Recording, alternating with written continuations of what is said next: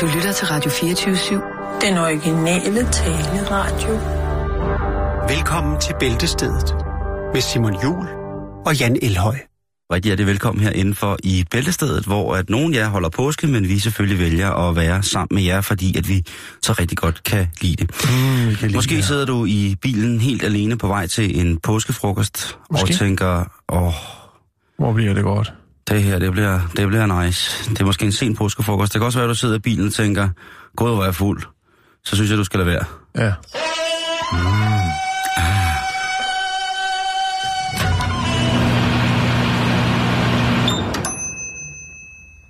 Ah. Så er de ikke færdige. Yes, og en enkelt pirog, så er vi klar til at køre. Mm. Jeg vil gerne have lov til at starte, Jan. Du hvad, Simon? Jeg synes, du skal Og starte. jeg vil gerne have lov til at starte i Indien. Ja. Og det er jo et land, som, øh, som jo de sidste mange år øh, Ja. er blevet et yndet rejsemål for rigtig mange øh, dejlige mennesker. Ja. Og Og man- så... Ja, jo, det er rigtigt. Jo, og man kan jo sige, at øh, i slut 90'erne, der startede den her bølge med at finde ned til den gamle portugisiske koloni Goa i Indien, hvor der så blev annonceret øh, en del fester med hård elektronisk beatmusik, men også med et åndeligt lag, kun understøttet af en lille smule øh, psykedelika, Ja. og så til hver en tid jo også øh, den kemiske psykedelika. Og det har jo bragt mangt og meget dertil. Det har blandt andet bragt mine forældre dertil. Det kunne, Øh. de, det kunne de lige gøre. ja, øh, jeg ved ikke, hvor meget tekno de har været til, men de har i hvert fald... Øh, min familie har haft hus i Goa i rigtig mange år, og det, det har jo været en yndet øh, familiedestination at tage til med hele familien. Og en af de ting, som man finder ud af i Indien, det er jo, at øh, deres... Der, der er jo ikke noget, jeg synes, og det kan være, at det er miljøskadet, øh, at jeg er miljøskadet, men der er jo ikke noget, jeg synes, der er så herligt at se lokal-tv, når man kommer frem til øh, nye steder. Hvis der er tv, så er lokal-tv jo altså noget af, af det bedste, der findes. Fordi at man får sådan et mange steder helt hudløst ærligt indtryk af, hvad entreprenante sjæle gerne har ville, når de har blevet øh, tilstedt en sendetilladelse og noget måske noget udstyr. Og det kan jo altså være meget spartansk i forhold til, hvad vi er vant til herhjemme, men stadigvæk så er det jo altså nogle budskaber. Det er noget, folk sidder limet til i fjernsynet. Og indisk mm. lokal-tv, Jan, det er... Jeg elsker at se lokal-tv, når jeg er ude at rejse. Det er det, jeg mener, ikke? Ja, det altså, kan noget. Man, man bliver virkelig, virkelig, virkelig glad. Kunne man øh, fristes til at sige, at det er ægte? Ja, det, det er det jo. Ja. Og, og indisk lokal-tv, det er i særklasse, vil jeg sige. Indisk, pakistansk og afghansk, de steder, hvor det er tilladt lokal-tv, det er altså noget helt specielt rørende. Også fordi lydkvaliteten, den er så økologisk, hvis man skal sige det på den måde, så man næsten ikke forstår det. Og billedkvaliteten, den er også meget dynamisk. Og her taler vi altså om et kunstnerisk udtryk i forhold til, hvordan at billedet går helt rent igennem, det bliver sløret. Øh, der simpelthen er en form for analog slåfejl i sendesignalet, som gør, at man, man også til tider får nogle udfald, som er øh, geniale. Og så, øh, når der endda er udfald på selve skiltet, hvor der står, der er teknisk problem. Det tror jeg, der stod. Jeg ved det ikke, jeg læser meget dårligt hindi. Men Jo. så er det øh, i- igen. Og så værterne. Værterne, der formidler på de her lokale tv-stationer.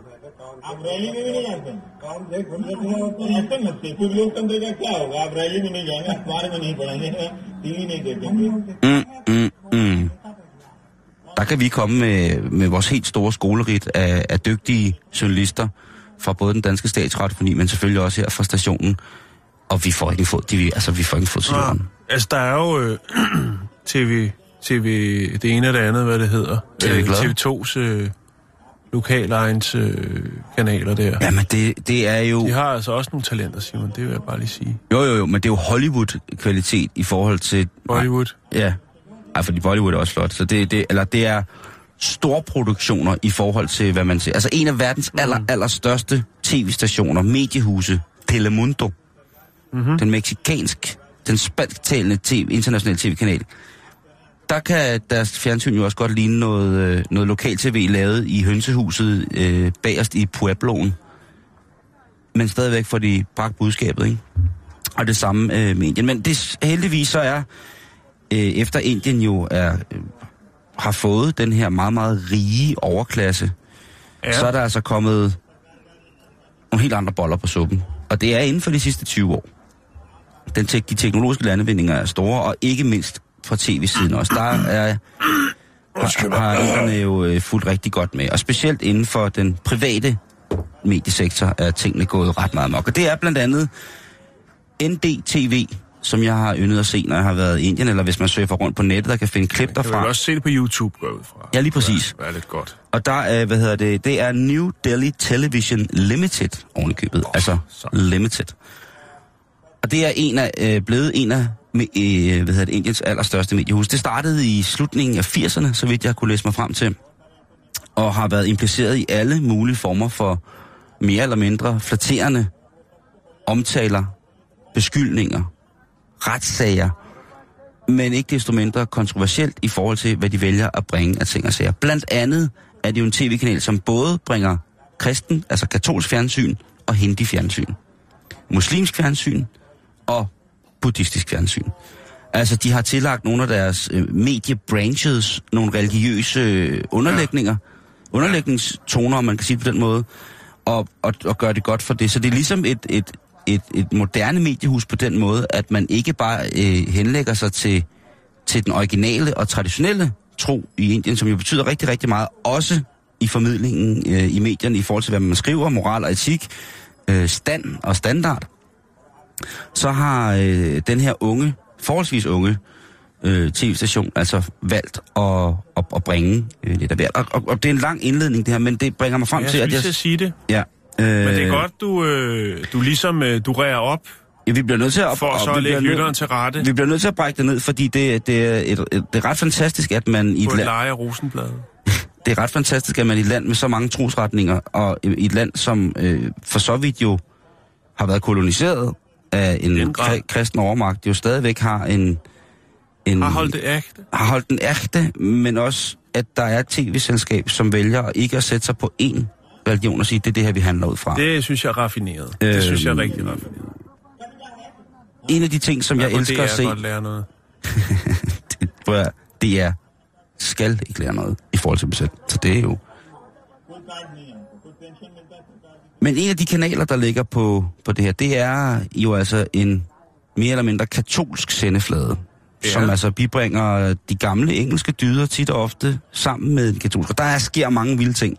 Og der er rigtig mange af de her tv-prædikner, højmesse, fordi at øh, Indien jo er et forstort land, så øh, det er de katolikker, der sidder rundt omkring ude og blevet udstødt øh, af deres kaste og alt muligt mærkeligt, sidder ude i, i junglen kun med deres øh, fladskærm. De skal jo kunne følge med i, hvad der sker, og hvad, hvad, hvad Guds sendebud Vi skal præges. bebuder. Ja, ja.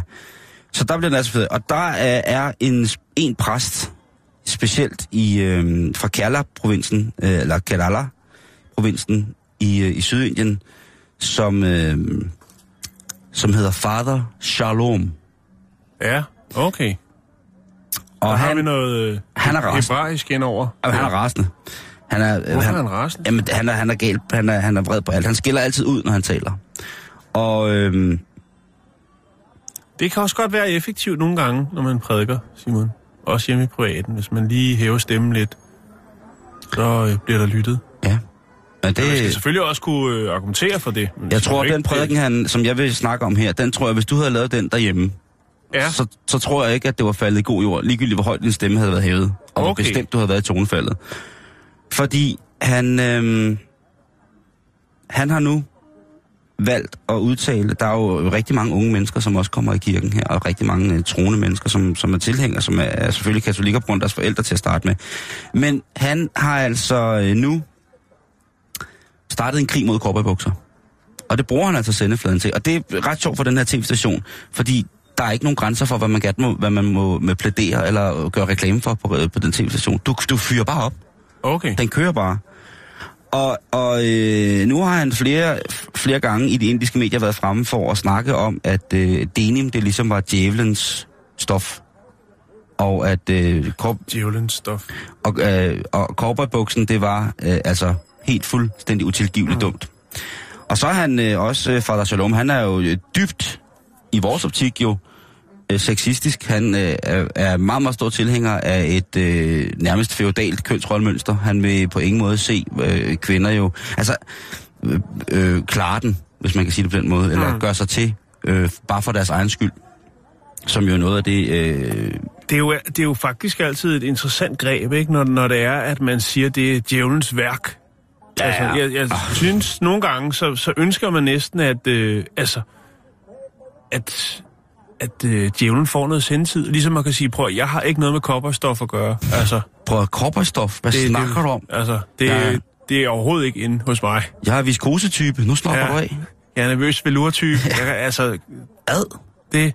Det skal... Eller, eller sige, jeg elsker det. Altså, jeg går kun i Levi's. Du har ret. Altså, Ja. hvis han lige fik lidt taletid, i stedet for bare at sige, åh, han, nej, han er en... Altså, det er jo ikke sikkert. Ja, det er det. Jeg, altså... jeg synes, der er alt for lidt taletid til djævlen. Det er faktisk rigtig, rigtig godt, øh, rigtig, rigtig godt øh, gode ting, det der. Og det mener jeg seriøst. Tænk, han får aldrig lov at forsvare sig. Nej, det er der er det. aldrig nogen af dem, som tror på djævlen, som får lov til at stille op og sige, prøv at høre. Nu slapper du af. Ja. Det, det kan du da ikke skyde ham i skoene, eller hende, eller hvad, Ja. skyde ham i klovene, eller hvad de nu tænker på. Han eller er hvad en det der. nervøslig velurfyr. Han er slet ikke til kopperstof. Eller også, Ham der, eller mand. også er det omvendt at sige, den er god nok. Jeg, er- jeg er vild med det. Ja. Jeg elsker det.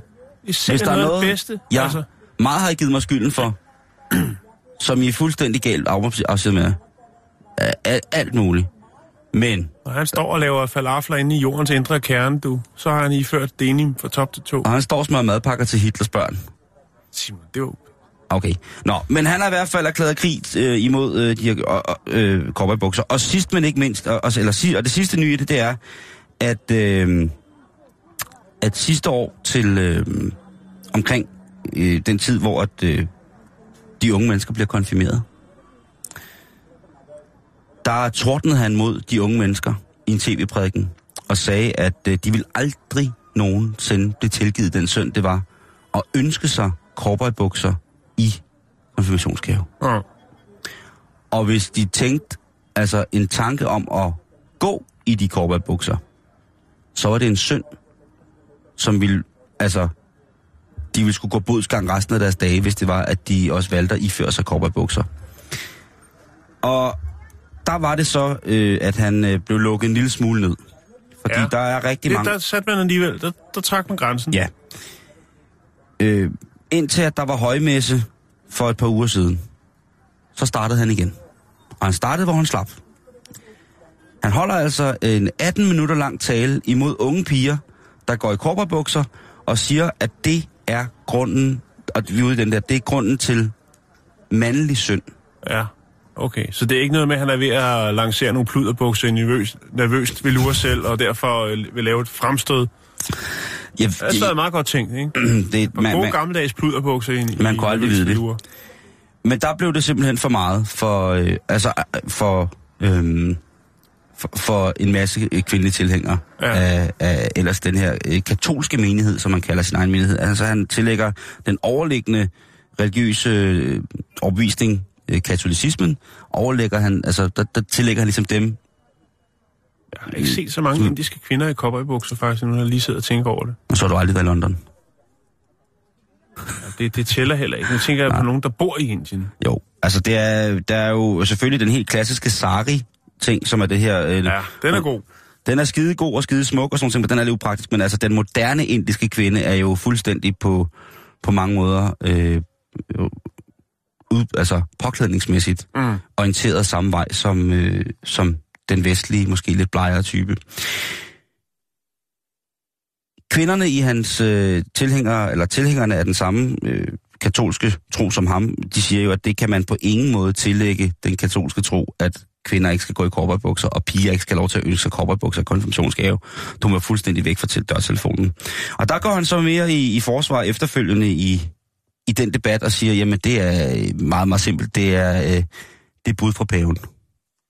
Ah, okay, ja. Så trækker han lige ham med ind og tænker, Og der, der, der jogger han så i nælderne. Der jogger han sgu lidt i nælderne, fordi der bliver... Øh, kommer den, Frans på banen? Det gør han ikke, vel? Han... Øh, men det gør hans stedfortræder i Asien. Okay. Øh, Hans håndlanger. Ja, hans homemade. Og der bliver altså med meget, meget store bogstaver sagt, at øh, de meget gerne vil have, at han frasiger sig alle former for, hvad kan man sige, sammenligninger mm-hmm. med den katolske kirke, når han går i gang med sådan nogle ting der. Ja. Og det gør de offentligt på selv samme tv-station, som har, øh, har bragt hans taler. Så, han, øh, så står han lidt uheldigt. Han står rigtig, rigtig, rigtig uheldigt.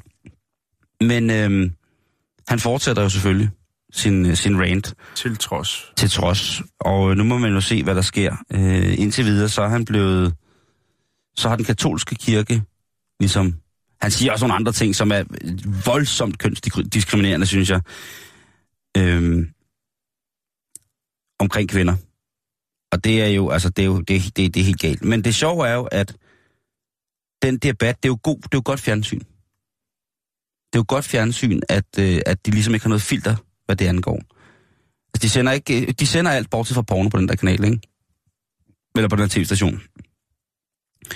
Og chefen for, for, for tv-stationen, han siger, jamen det her med at afskrive en masse katolske seere vores katolske øh, kanal, det giver os måske nogle nye katolske seere. Ja, Og så kommer den lige ud mellem sidebenene, og det er jo også nogle kedelige typer. Det siger chefen for tv-stationen. Det er altså NDTV, som man skal gå ind og kigge på, hvis man har lyst til at, øh, at få en, øh, en på opleveren. Så skal man søge lidt på det, fordi der sker vanvittigt gode ting i, øh, i Indien på den der tv-kanal. Men altså lige nu, der er der blevet startet en, øh, eller har der kørt i lang tid, en, øh, en fin krig ja. imellem øh, det øverste sæde af Men det er jo også det er jo lidt at, at pisse på seerne og, og bruge så meget tid på, på det, i stedet for at, og, hvad skal man sige, gøre det, som, som det skal kunne, det der religion. Det der med at give folk et fundament og en tro og ja, bygge dem op, Mm-hmm. Og så begynde at prædike. Altså, han kunne lige så godt have taget et, madprodukt, et fastfoodprodukt, øh, et eller andet. Altså, Ja. citronmåner, eller jeg ved ikke hvad. Ja, ja. Men, men, men fred være med det. Jeg kan jo ikke... Øhm... Nej, nej, nej, du skal heller ikke stå til regnskab for Nej, nej, jeg, og, og, men alligevel, jeg, jeg tænker bare, at øh, det Men det kunne selvfølgelig være interessant. her det er en reklame for, at øh, vi skal støtte kvinder, indiske kvinder i kopperbukser, plus at I skal huske at se noget mere indisk fjernsyn.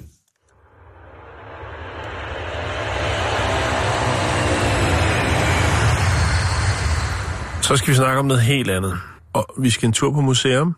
Ah, okay. Vi skal på Kentucky Coal Museum. Kentucky, altså Kentucky... Kul. Kul, som i... Ja, Aha, sådan et har de nemlig der. I know. Området er jo kendt for at producere kul. Og Simon. guld Kul? og olie Ja, men nu handler det om kul. og diamanter. Der er bare en lille ting ved det, og det, der skal jo spares alle steder. Der kommer måske ikke så mange på et kulmuseum, som man godt ville ønske sig. Så derfor skal der spares, Simon. Og hvordan sparer man? Omkostningsbesparer man på et kulmuseum. Jo, man går selvfølgelig grøn. Det skal man jo. Så derfor så øh, er Kentucky Coal Museum gået over til solenergi. Museet har øh, fået installeret 80 solpaneler, øh, Ja, og de forventes at kunne spare eller ja, at spare 56.183 øh, danske kroner årligt på elregningen. I øjeblikket der bruger de 14.748 kroner om måneden på elektricitet på Kentucky Coal Museum. Mm. Det er der jo rigtig mange, der synes er rigtig sjovt. ej, det, Og det ja. synes jeg egentlig også. det er lidt sjovt. øhm, man kan sige, der er jo selvfølgelig, øh, der er jo selvfølgelig også nogen, altså i lokalområdet jo især, der synes, at det, det ikke er en skid sjovt, fordi at, øh, altså, kullet har en stor betydning for Kentucky-området, og, øh, og er jo en kæmpe stor del af, his- deres historie. Det er jo også derfor, man ligesom har etableret et museum i sin tid. Øhm, og man kan sige, der er jo en, en, hvad skal man sige, der er jo nogen, der svæver til kullet, fordi det gør, øh, og har gjort temmelig meget for lokalsamfundet, og så er der jo nogen, der har den øh, i nogle øjne, øh, nogens øjne lidt mere øh, miljøvenlige hat på og går ind for, øh, for den, øh, den grønne energi. Og de mm. sidder jo rigtigt og, og knækker og gnider sig i hænderne og tænker, det er fandme sjovt det her. Det er også lidt sjovt et eller andet Ja, sted. det er det. Øhm,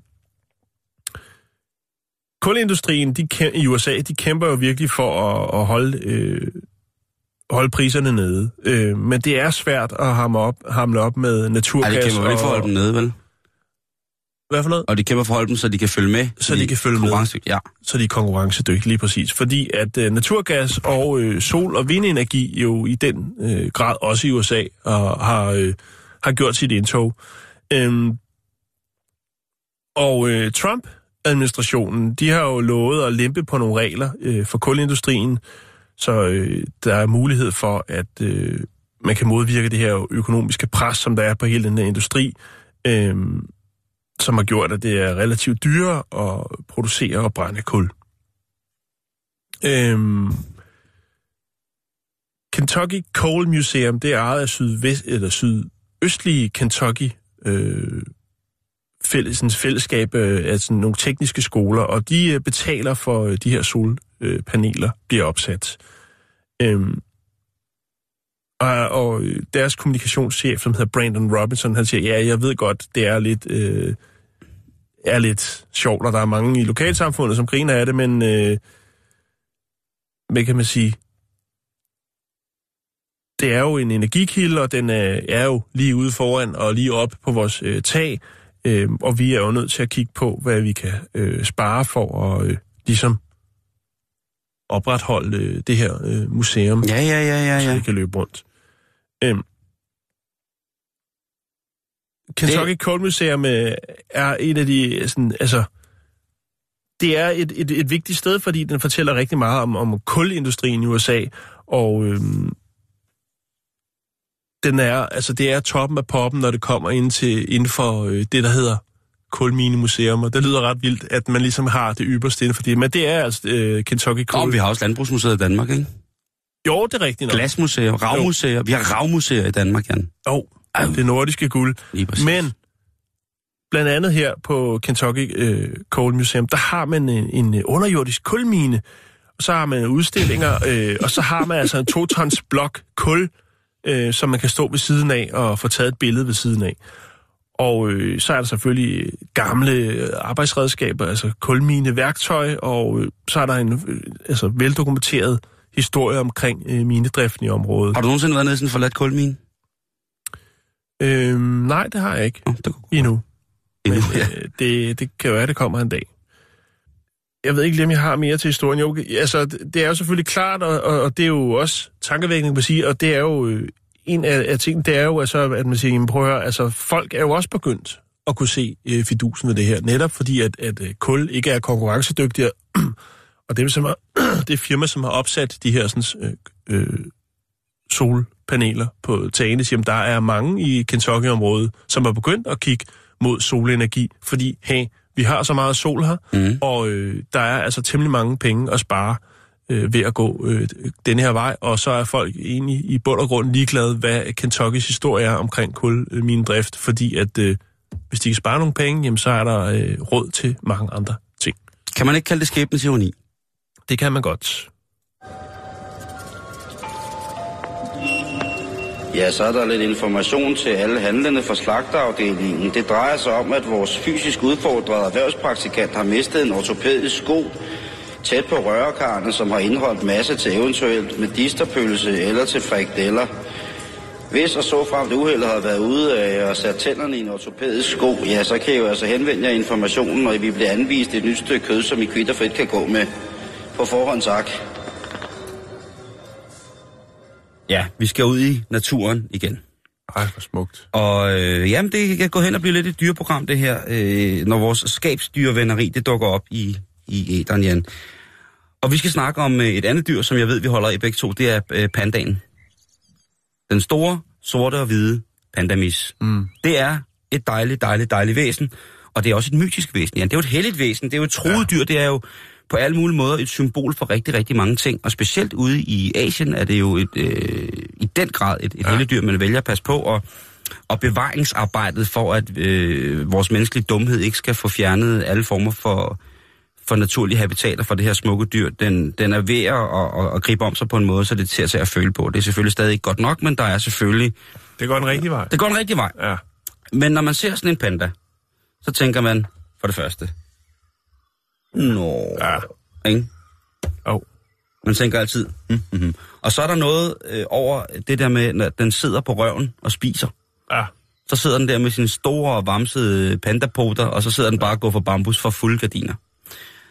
Og, en af, altså, man ved jo, man ved rigtig meget om pandaer, men der er også rigtig meget, man ikke ved om fordi som sagt, det er et mytisk, mytisk dyr. Ja. Og en af de ting, som har- har drillet forskere i, ja, siden man så pandaen, det var, hvorfor er den sort og hvid? Ja, Hvorfor er pandaen det er et godt spørgsmål. Ja, fordi Jo. at, det, det er jo øh, ikke noget som øh, sådan umiddelbart, hvis man skulle, skulle kigge på dyret, øh, at den kan gemme sig. Ikke Nej, at den har særlig mange naturlige fjender, men, Nej. men at den gemmer sig i en helt grøn bambusskov, der er det altså ret nemt at se en panda. Ja, For det første kan man høre den, og for det andet, så kan man så altså øh, ret tydeligt se den. Men en af de årsager, som øh, øh, forskerne nu har fundet frem til, og det er altså øh, et stort, stort gennembrud, som er blevet, øh, blevet hvad hedder det, blevet publiceret her. Og øh, det er blandt andet lavet af, af Tim Cardo, hedder han, og han er øh, i afdelingen for, for vildt fisk og øh, hvad hedder det, biologi på Universitetet i Kalifornien, i UCLA. Og, og han og hans kollegaer, de har kigget rigtig mange billeder af pandabjørn. De har faktisk kigget på 195 forskellige bjørnearter, for at finde ud af, om der var en naturlig årsag til, at de havde antaget den farve, den brune bjørn, den sorte bjørn, øh, mm-hmm. mm. den lille bjørn, isbryderen. De, har- de har kigget på mange ting. ja. Og øh, de har fundet ud af, at det var der i rigtig mange tilfælde, var der ligesom sådan en form for evolutionsmæssig årsag til, at dyrene netop havde antaget den her farve, isbjørnen for eksempel. Jeg skal sige halv isbjørn, halv... Altså isbjørnen er, er, er, er Altså og, pandaen er... og den sorte, sorte bjørn øh, Ja. Og den brune bjørn, jamen altså det er nogle farver, som falder naturligt i dyrenes omgivelser på mm. rigtig, rigtig mange tidspunkter af året. Der er jo også mange dyr, som vælger at skifte deres pels til årstiden. For eksempel rigtig mange vadefugle har jo forskellige sommer- og vinterdragter. Mm. Øh, så det har været et mysterie, hvorfor pandaen bare så ud, som pandaen så ud. Men ved at kigge på alle de her billeder, så har de simpelthen fundet ud af, at, at der er, pandaen er så snedig, at der er forskellige steder på dens krop, hvor den er hvid og sort, som den selv kan finde ud af at bruge i forhold til den camouflage, den har nu har brug for, der hvor den er. Og så tænker man igen, grønne bambus, hvordan hænger det sammen? Mm. Det er sådan, at øh, bambus er rigtig god til at lave skygge. Og pandaen kan rulle sig sammen på en måde, således at der nærmest kun er syn for det sorte på pandaen. Altså dens poter, Ja. den lange hvide stribe, Altså der en går. form for ninja. Ja, er det ikke sejt? Det er sejt. Og så dens, hvad hedder det, den her lange sorte hvide stribe, der går hele vejen tværs over den skuldre, Mhm. ned til forbruderne. Så er der sorte ører og så øjne. De sorte ører har drillet forskel lidt. Fordi Ja. det er jo måske... Man kan, man kan, jeg ved ikke, om man skal diskutere det, men for mit vedkommende, så er der meget, meget øh, få ting i verden, der er mere nuttet end, øh, end panda og bjørneører. De der helt runde, små øh, mm. pelsoblader, der bare sidder og, og sidrer diger. Pandagens ører formoder man, og det er det, man har kommet frem til, er sorte, fordi at, øh, det sidder jo oven på det her store hvide hoved. Og de har altså en meget, meget stor signalværdi. Det er altså et kommunikativt værktøj. Det er en kommunikativ fysisk ekstremitet, som pandaen har med dens ører. Den kan altså lægge dem ned, dreje dem, og, sådan, mm. og på den måde, uden at lave den store, ja, det store postyr, jo altså signalere for eksempel i, i, i en paringssæson, mm. Hvis der går øh, en Det er jo også noget, hunde gør. Jeg sige. De, hundene ja. Har så også halen, men de bruger også ørerne til at kommunikere ja. med. Og det er det, som pandamisen også gør. Og det gør den nemlig med ørerne, og derfor så er det eneste sådan urationelle, eller irrationelle øh, stykke sort pels på pandaen, ja. det er faktisk dens ører, men det er jo så ikke så Ja. irrationelt i verden. Fordi hvis der sidder en, en dejlig panda, panda, pandamor, og, og lige pludselig kommer der en dejlig fuldvoksen pandapik mm. gående, og hun tænker, hold da op, nu skal jeg æderråd med have en ja. uh, tur i pandabøffen. Så i stedet for, at hun begynder at galpe og afsløre sin position, jamen så ved hun, at uh, den store, lækre håndværkerpanda, han, han kigger over mod hende, og så kan hun lige gøre et eller andet med ørerne, lige dreje det ene øre lidt frægt, eller Ja. lige, uh, jeg ved ikke, om, man kan, om de kan vinke med ørerne, pandaerne, Nej. men det er i hvert fald det. Uh, det sorte rundt om øjnene på pandaerne, mm. det uh, antager man er rigtig godt i forhold til for meget skarpt lys. Uh, det har man gjort rigtig mange gange, men også igen, det er et værktøj, et kosmetisk værktøj i forhold til kommunikationen pandaerne imellem. De kan altså med andre ord trække på kinderne i sådan en grad at kunne snakke. Og man siger jo, et blik, det siger mere end tusind ord, Jan. Det er rigtigt. Så det kommer måske fra pandaerne. Men hvor stammer det hvide så fra? Nu er det jo engang sådan, at pandaer er et dyr, som øh, på grund af den her kost, de spiser, som er meget, meget fiberholdig, ja. ikke sætter særlig meget fedt på kroppen. Pandamisen er, eller pandabjørnen er et forholdsvis magert dyr. De har selvfølgelig en tyk pels, men de er, kan ikke lære så meget fedt på grund af den fiberholdige kost, at de har råd og overskud sådan rent forplejningsmæssigt, og er en foderstand, så de kan gå i dvale og gå i hi ligesom andre bjørne. Mm. De, de lægger sig op, de, de putter jo i, i seks måneder, og så står de op helt udmagret og går ned og spiser en laks, og så er det godt igen, ikke? Jo. Men det kan pandaen ikke, så den skal overleve hele året rundt. Og det vil sige, at der hvor pandaen lever, der er der jo også sne. Mm-hmm. Så det hvide på pandaen, det er faktisk lavet sådan, så at den vil kunne sætte sig et sted i nogle bambus, i sneen, så det sorte vil lægge sig i skyggen af bambussen, og det hvide, det vil så være der, øh, som så ligger i sneen, så man ikke vil kunne se den på den måde. Så den, den er altså umiddelbart, i forhold til personlig camouflage, enormt dygtig. En, en mester. Den er en sand mester. Den er en, når jeg ninja, hvis det er det, Master sige. of camouflage. De sorte poter, hvad så? Ligger den så med fødderne i vejret, når alt bliver mørkt, og den skal gemme sig? Nej, det sorte poter, det er simpelthen fordi, at... Til at holde sig for øjnene. Åh, oh, det er sødt. Det er så sødt, når panda holder sig for øjnene. Ah, så holder det sig for øjnene med poterne, så så panda er visen der. Åh, hej. Øh, de sorte poter, det er simpelthen fordi, at øh, det passer til, øh, til den bund, som Det er dyret går på. code, som der er i. Så hvis den havde hvide sko på, så ville de altid være snavset. Så er det altså meget nemmere at have et par sorte gummirøjser på, som øh, til hver en tid, både i sne og i, øh, i, i sommer, bare passer til bunden. Så pandamissen er jo øh, er rigtig, rigtig speciel, fordi det er jo en bjørn, som ikke, øh, ikke overvintrer eller går i hi, mm. men også fordi den altså har tilpasset to slags kamuflage til lige præcis det sted, hvor den lever. Det er det, man ligesom har konkluderet ud fra det her øh, studie. Om den er fuldstændig stensikker, det er selvfølgelig altid noget, man kan diskutere. Men mm. rigtig mange Det forskere... lyder ret pla- plausibelt. Rigtig mange forskere, specielt mange af de kinesiske forskere, som har haft alt for travlt til at beskæftige sig med lige præcis pandaens farver, er meget, meget begejstret for det, og kan se et mønster i den måde, de bevæger sig på henholdsvis, når det er sommer og når det er vinter, i forhold til, hvordan at de sidder med den mest, øh, hvad kan man sige, de sætter sig på en måde, så, så de kan være mest overvågende, for eksempel i forhold til, når de har unger. Ja. Hvordan at en mor gemmer sin unge, som jo også på et tidspunkt bliver sort og hvid, hvis det er, at der på en måde opstår en fare. Det er jo som regel pandaer, der er til fare for dem selv. Altså øh, øh, typisk hanpandaen over for en, en mor med unger. Jamen det ville kunne være, øh, kunne være dødbringende. Mm. Så igen, man må bare kaste sig i stød for, for pandaen. Det er, øh, vi er, øh, hvis man kan få lov til at være et officielt panda-program, så vil jeg meget, meget gerne søge om det. Det må jeg lige finde ud af. Jeg tænker, nu har de løst et øh, sort-hvid mysterie. Mm. Så tænker jeg, det er meget oplagt for dem, at det næste skridt, det Er zebraen. Ja, Ja. Det er, den stribede hest. Ja, vi har jo også øh, en knapstrupperhest i Danmark, en gammel dansk hest, som jo har sorte og hvide prikker. Eller den er hvid med sorte prikker, eller hvad er den? Pibi. Ja, det er jo også, øh, det er jo nok mere en svensk type, men det er jo, altså, der, der er jo, øh, det er jo sjovt med det der. Og så kunne man jo også gå i gang med dalmantineren, hvis man endelig skal i gang med irriterende. Ja.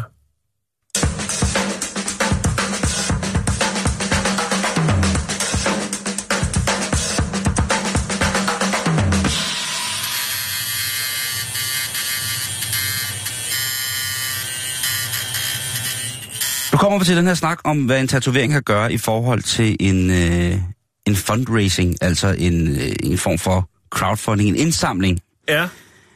I Minneapolis, den dejlige, dejlige by, der øh, er der en masse kvinder, som nu er gået ind i kampen for søsterlig solidaritet. Det kan man ikke kalde det, men det er det i hvert fald. Det er en... Øh, Det forstår jeg ikke helt. det er tre, okay. Det er tre kvinder.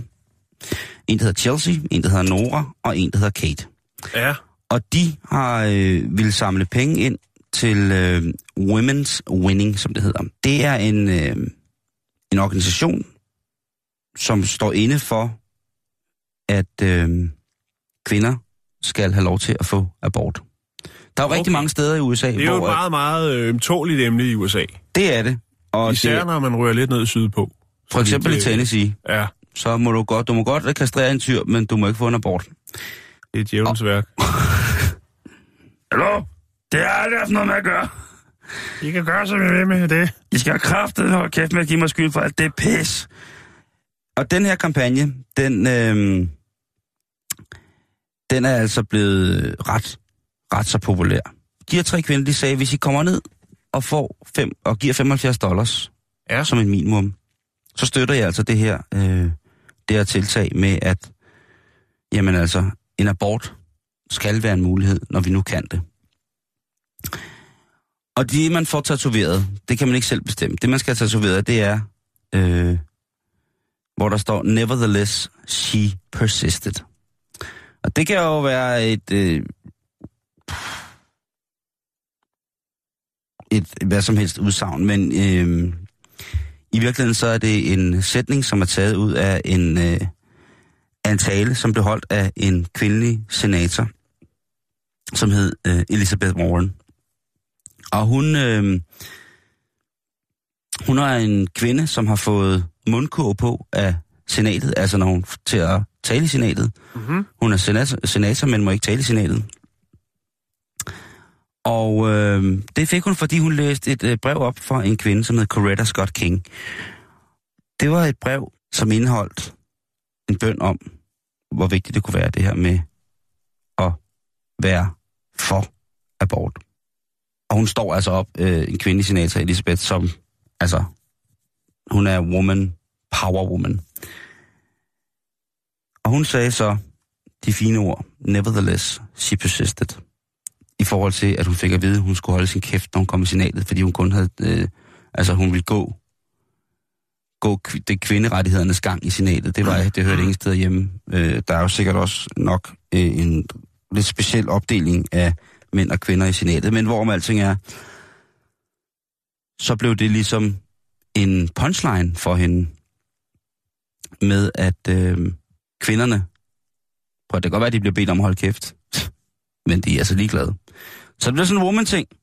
Og der blev samlet rigtig, rigtig mange penge ind på den øh, konto, og rigtig, rigtig mange kvinder kom ned i alle aldre, Jan. Altså ikke sådan under, underaged, øh, men altså helt op til en 74-årig kvinde, som altså, som hun selv beskriver sig som, har været en kvinde, der har været med i kvindekampen siden kvindekampen, eller før kvindekampen startede. Og hun mener det her budskab med, at, øh, at abort skal være en mulighed, det er, eller den frie abort skal være en mulighed, det er altså øh, rigtig, rigtig, rigtig vigtigt. Og da de havde været i gang i øh, en hel dag med at skyde tatoveringer af, altså der blev kaldt, øh, hende der havde tatoveringsbutik, hun blev nødt til at kalde flere ind, fordi de, de folk, der sad dernede og tatoverede, det var ret hårdt, hårdt for en tatovør at sidde og tatovere mange gange. Øh, men der var så mange kunder, og det var jo sådan et godt formål, så det væltede jo ind med tatovører, som gerne ville give en hånd ned i den lille salon. Og da de lukkede efter at have tatoveret uafbrudt næsten i 16 timer, så stod der stadig 100 kvinder på gaden og ventede på at få tatoveringen og donere penge. Men øhm, det er alligevel noget, som jeg gerne vil lægge op til, fordi det er jo noget, man husker, når man har en tatovering. Det er jo kroppen så en harddisk, når man begynder at få øh, hamret blik ind i huden. Sidder der nogen derude med en, en fundraiser-idé i forhold til sådan nogle ting her, så synes jeg da bare, det er at gå ned til den lokale tatovør og høre, om de har lyst og kan, og, og kan facilitere, hvis de har, altså, noget, øh, som kan gøre... Jeg ved ikke, altså hvis det er sådan en forening, som mere, varm, øh, mere lun løber på start efter kl. 18, så er det jo nok mest, at man laver en, en fælles aftale og får en god pris på en gruppetatovering. Mm. Men øh, sådan et overordnet... Og det, du må selv, kære lytter, være øh, bestemt, hvad, selvfølgelig, hvad det skal være, at det skal handle om det her. Det, det kan jo gå både den ene eller anden vej. Men tatoveringer, den er god nok. Og vi er ikke nået dertil nu, hvor man bare kan tage en salve, og så falder den af, eller tage en tablet, og næste dag, så er den, øh, så er den, så den trukket, trukket tilbage. Men jeg synes, det er en god idé, fordi så beholder man budskabet, og så husker man på, hvorfor at, øh, man lige præcis fik den tatovase-ring. Ja, det er jeg enig Kvinderne, du, de, øh, de har sgu styr på det. Nogle gange. Ja, men den der, den var faktisk ret god, synes jeg. Det synes jeg Ja, hallo, det er slagtermesteren her. Hvis der er nogen kunder, der inden for de sidste 20 minutter har erhvervet sig det, der hedder skagensalat, det er så en salat rørt med en dårlig mayonnaise og så en masse ben i, at jeg har fået fræset noget af min nederdel ned i øh, kødmassen, så hvis I finder nogle lidt mere seje stykker fisk, så kan I altså bare levere det tilbage til øh, informationen, og så får I selvfølgelig refunderet det. Plus et til gode bevis til et eller andet. Skål. Så, så skal vi snakke om... Øh, Kæmpe, kæmpe, verdens største altså, den har, den, Ja, verdens største øh, rosin er blevet netop blevet... Lagt. Øh, lagt. ja. Det er Ole Birk, der ligesom får statueret sit eksempel som premierpolitiker har lagt verdens største rosin. Øh, nej, men vi skal... Øh, jeg, jeg kan simpelthen ikke finde ud af, om det her det er en hoax. Der er flere nyhedsmedier, der har haft den øh, i USA. Øh, men den er, det er simpelthen for mærkeligt. Der er også et billede, men et billede er ikke et bevis nok. Vi kalder det en hoax, men hold kæft, det er en god artikel. Ja, det handler om, at man langt om længe i Texas har fanget en kriminel. En mand, der går under navnet Texas Butthole Tickler Bandit. altså, Ja, Ole Bier. ja. Texas numsekilleren. Numsekillerbanditten. Nums, numsehulskilderbanditten. Ja. Var det, Øh. var det så... Eller var det godt? Hans... Øh, ja, det er der selvfølgelig mange, øh, og det har jo hovedsageligt, eller det har været, kun været mænd, der har været udsat for øh, Texas Butthole Tickle Bandit, eller Tickling Bandit, øh, og de kan sove trygt nu. Fordi det, som han gjorde, det var, at han brød ind i nogle huse om natten, og øh, så øh, Nej. kildede han folk Nej. i numsen. han blev identificeret og fanget af politiet øh, tidligt om morgenen øh, den 5. januar. Og øh, Var det hans fingre, der afslørede ham? det er altså efter, at han havde en brun pegefinger. Nej, hvad hedder det? En brun negl. Øh, han har, han har altså... Det er nikotin! Han har, er været, han har været på spil i tre uger, og øh, der er selvfølgelig en del, der er mandlige beboere i området, som jo har haft en lidt hård tid. øh, fordi der har været en række af bølger og overfald, øh, hvor de er blevet, blevet vækket om morgenen. Hvor Øh, vil man? Jamen, det er jo også en Politiet- sindssyg krænkelse. politiet, ja, også fordi han er, det er jo ikke sikkert, han har haft fingrene op. Det kan jo bare være, at han bare lige har kildet, og så smuttet igen. Det har ikke været en spreader, hvor Politiet han så... troede med en- oprindeligt faktisk, at det var en hjemløs, der var den øh, mistænkte, men da man anholdt mand, der var han altså iført øh, Jesus, altså Kanye Wests øh, designertøj for, øh, til, ja, og vi er oppe over 4.000 øh, dollars. Så han har både været modbevidst og haft hang til at pille andre mænd i krosen, skulle jeg til at sige, i måsen. øh, det er en meget mærkelig historie.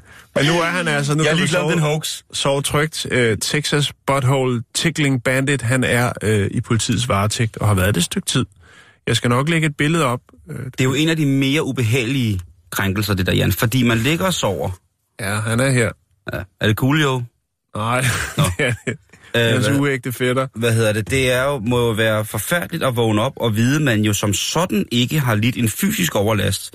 Medmindre selvfølgelig, han har spreadet og så kløet med en gren, øh, grensaks. har, Men hvis han bare har snedet sig har, altså, ligesom når man skal holde sig vågen, tager en, en tændstik og stiller ind, sådan for at holde øjnene åbne. Godt være, han lige har sat en tændstik først, han bedre kunne komme til at kilde Ja, eller han har bare sat, øh, sat 5 dollars. krydset. Det kan også godt være. Jo, i, øh, i øh, underbogskanten. Eller han har haft sådan en spekulum, sådan en, øh, som kvinderne får op i... Øh, i øh, Jeg tror bare, han har brugt den længste finger, og så har han ellers kildet til, han synes, det var nok, og så er han forsvundet igen. og så har han løbet rundt og mystisk vis. duftet. Det må være, altså, men, det, men det, er jo, det, er jo, det er jo voldsomt det der med, det, det, det jeg tænker er det voldsomste, det er jo det der med, at man er blevet krænket i sit eget hjem. Ja, Jeg kunne forstå, hvis man lå og sov på en bænk i en park, at øh, der så var nogen, der fik lyst til, åh, oh, der skal... Jeg kilde, skal... kilde, kilde. Det, det er meget øh, mærkeligt, men øh, nu kan man altså i Texas og øh, sove trygt, øh, fordi nu er Texas Butthole Tickling Bandit øh, i politiets varetægt. er ekstremt kompliceret stof, det her. Altså, øh, jeg har øh, 17 års øh, uddannelse. Jeg tænker, at jeg har rigtig, rigtig svært ved at gennemskue det her.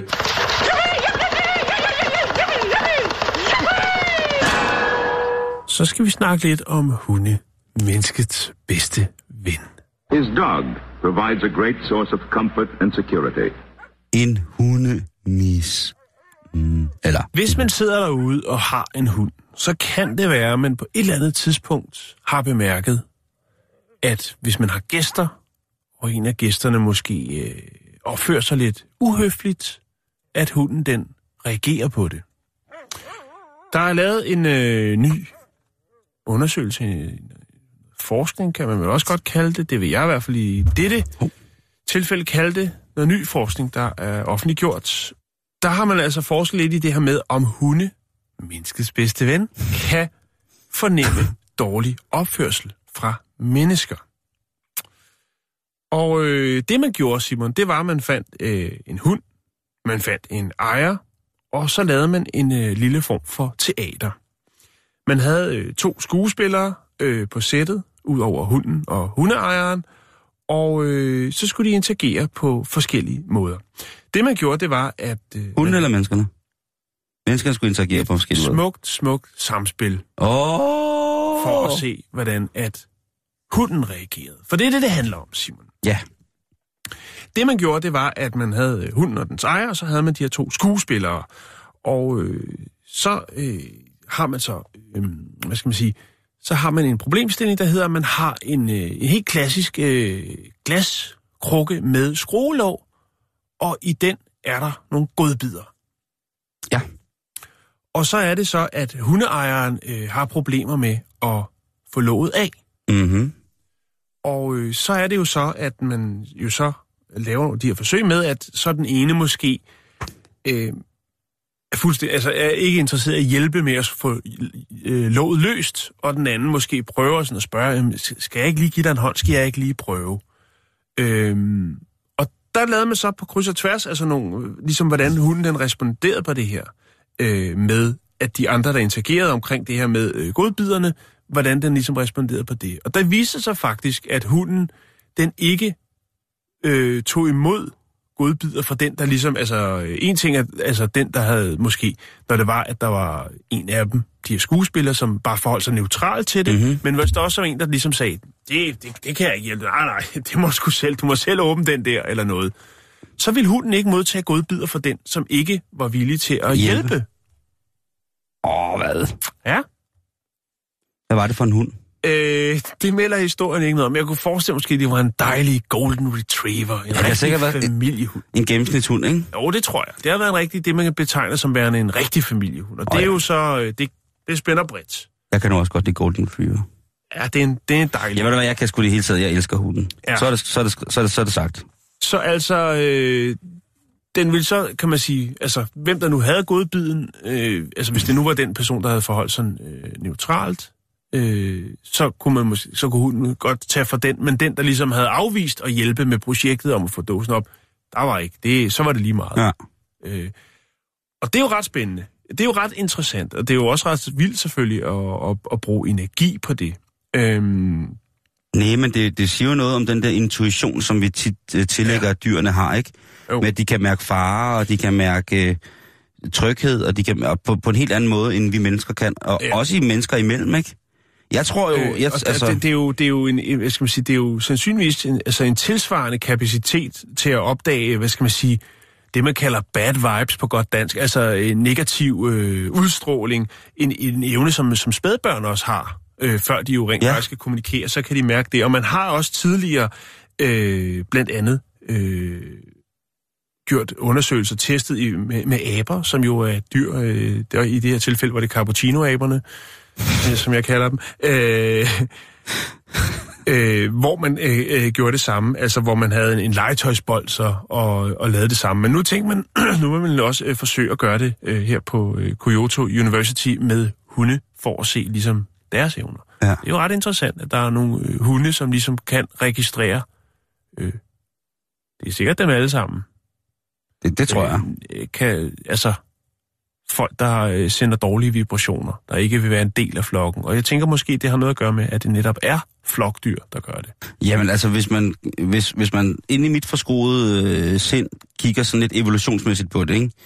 så er der jo en masse arter, som har været mindre, hvad kan man sige, udviklet, end vi som homo erecticus stammer ud fra. Ikke? Mm. Så det er jo klart, at mange af de her dyrearter, de vil jo øh, på mange måder jo have en større forståelse for at, at aflæse, hvad en eventuel modstander har i sinde. Ja.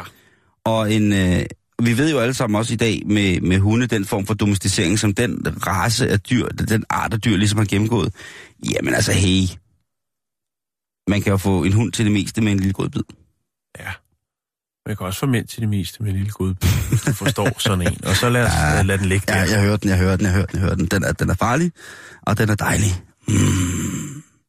Vi slutter lige øh, i Kanada i dag, hvor at øh, den kanadiske øh, nationalbank opfordrer folk til at lade være med at tegne på deres 5 dollar sædler. ja det, det er sjovt, det der. Og hvorfor er det, de beder om det? Det er simpelthen fordi, at, øh, at personen på 5 dollar sedlen, øh, ja, altså øh, er et portræt af den syvende statsminister i Canada, Sir Wilfrid Laurier, men han har til synlædende nogle træk, som kunne sætte ham i forbindelse med øh, Leonard Nimoy.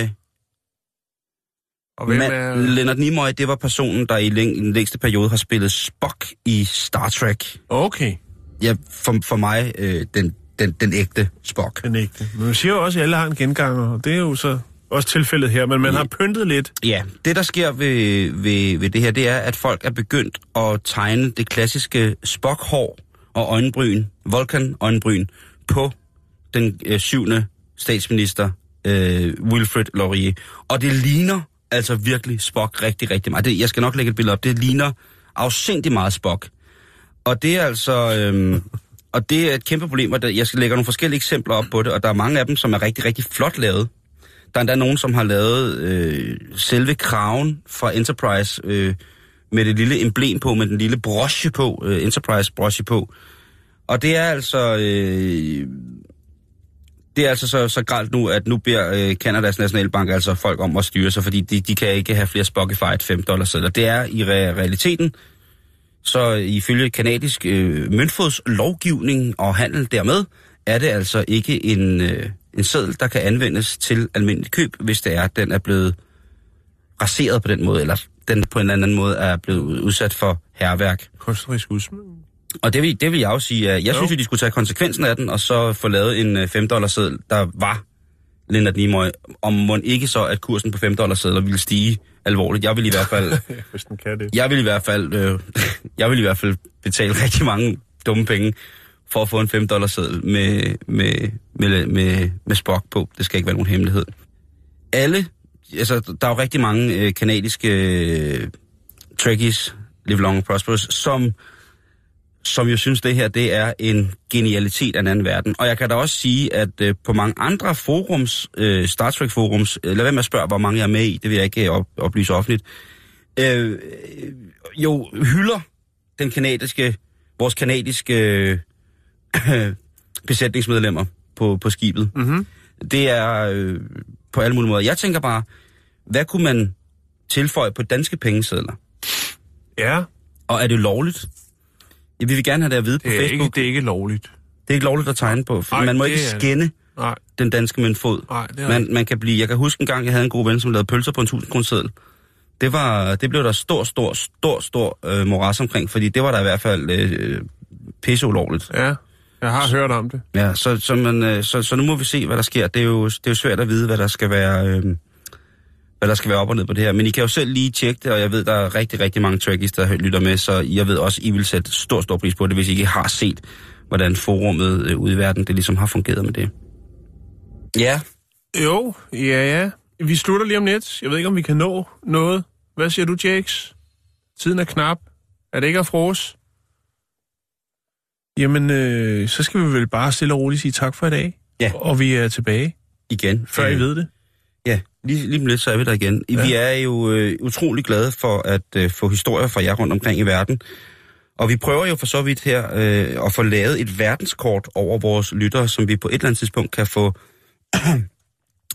få publiceret på vores Facebook-hjemmeside. Så derfor så er det rigtig vigtigt, at når I skriver ind til os fra et andet sted i verden, at I lige, øh, hvis I har lyst, overskud tid og kapacitet til det, lige får smidt en øh, givenål med, så vi kan pinche jer ind på vores øh, efterhånden ret velassorterede, rent øh, geografiske øh, lytterstationer. Øh, det er vi meget, meget, meget stolte af, og på alle mulige måder rigtig, rigtig glade for. Øh, det kunne også være en historie om øh, en podcast, du har lyttet fra vores program, Det Mærkeligste Sted. Det vil vi også gerne høre. Og så tror jeg så ikke, vi når mere i dag, Jan. Nej, det gør vi ikke. Vi Øh, skal vi? Nej, vi når, vi når simpelthen ikke mere. Jeg kan se på klokken. Det er slut nu. Så tak for i dag, og i øh, dag. vi høres ved.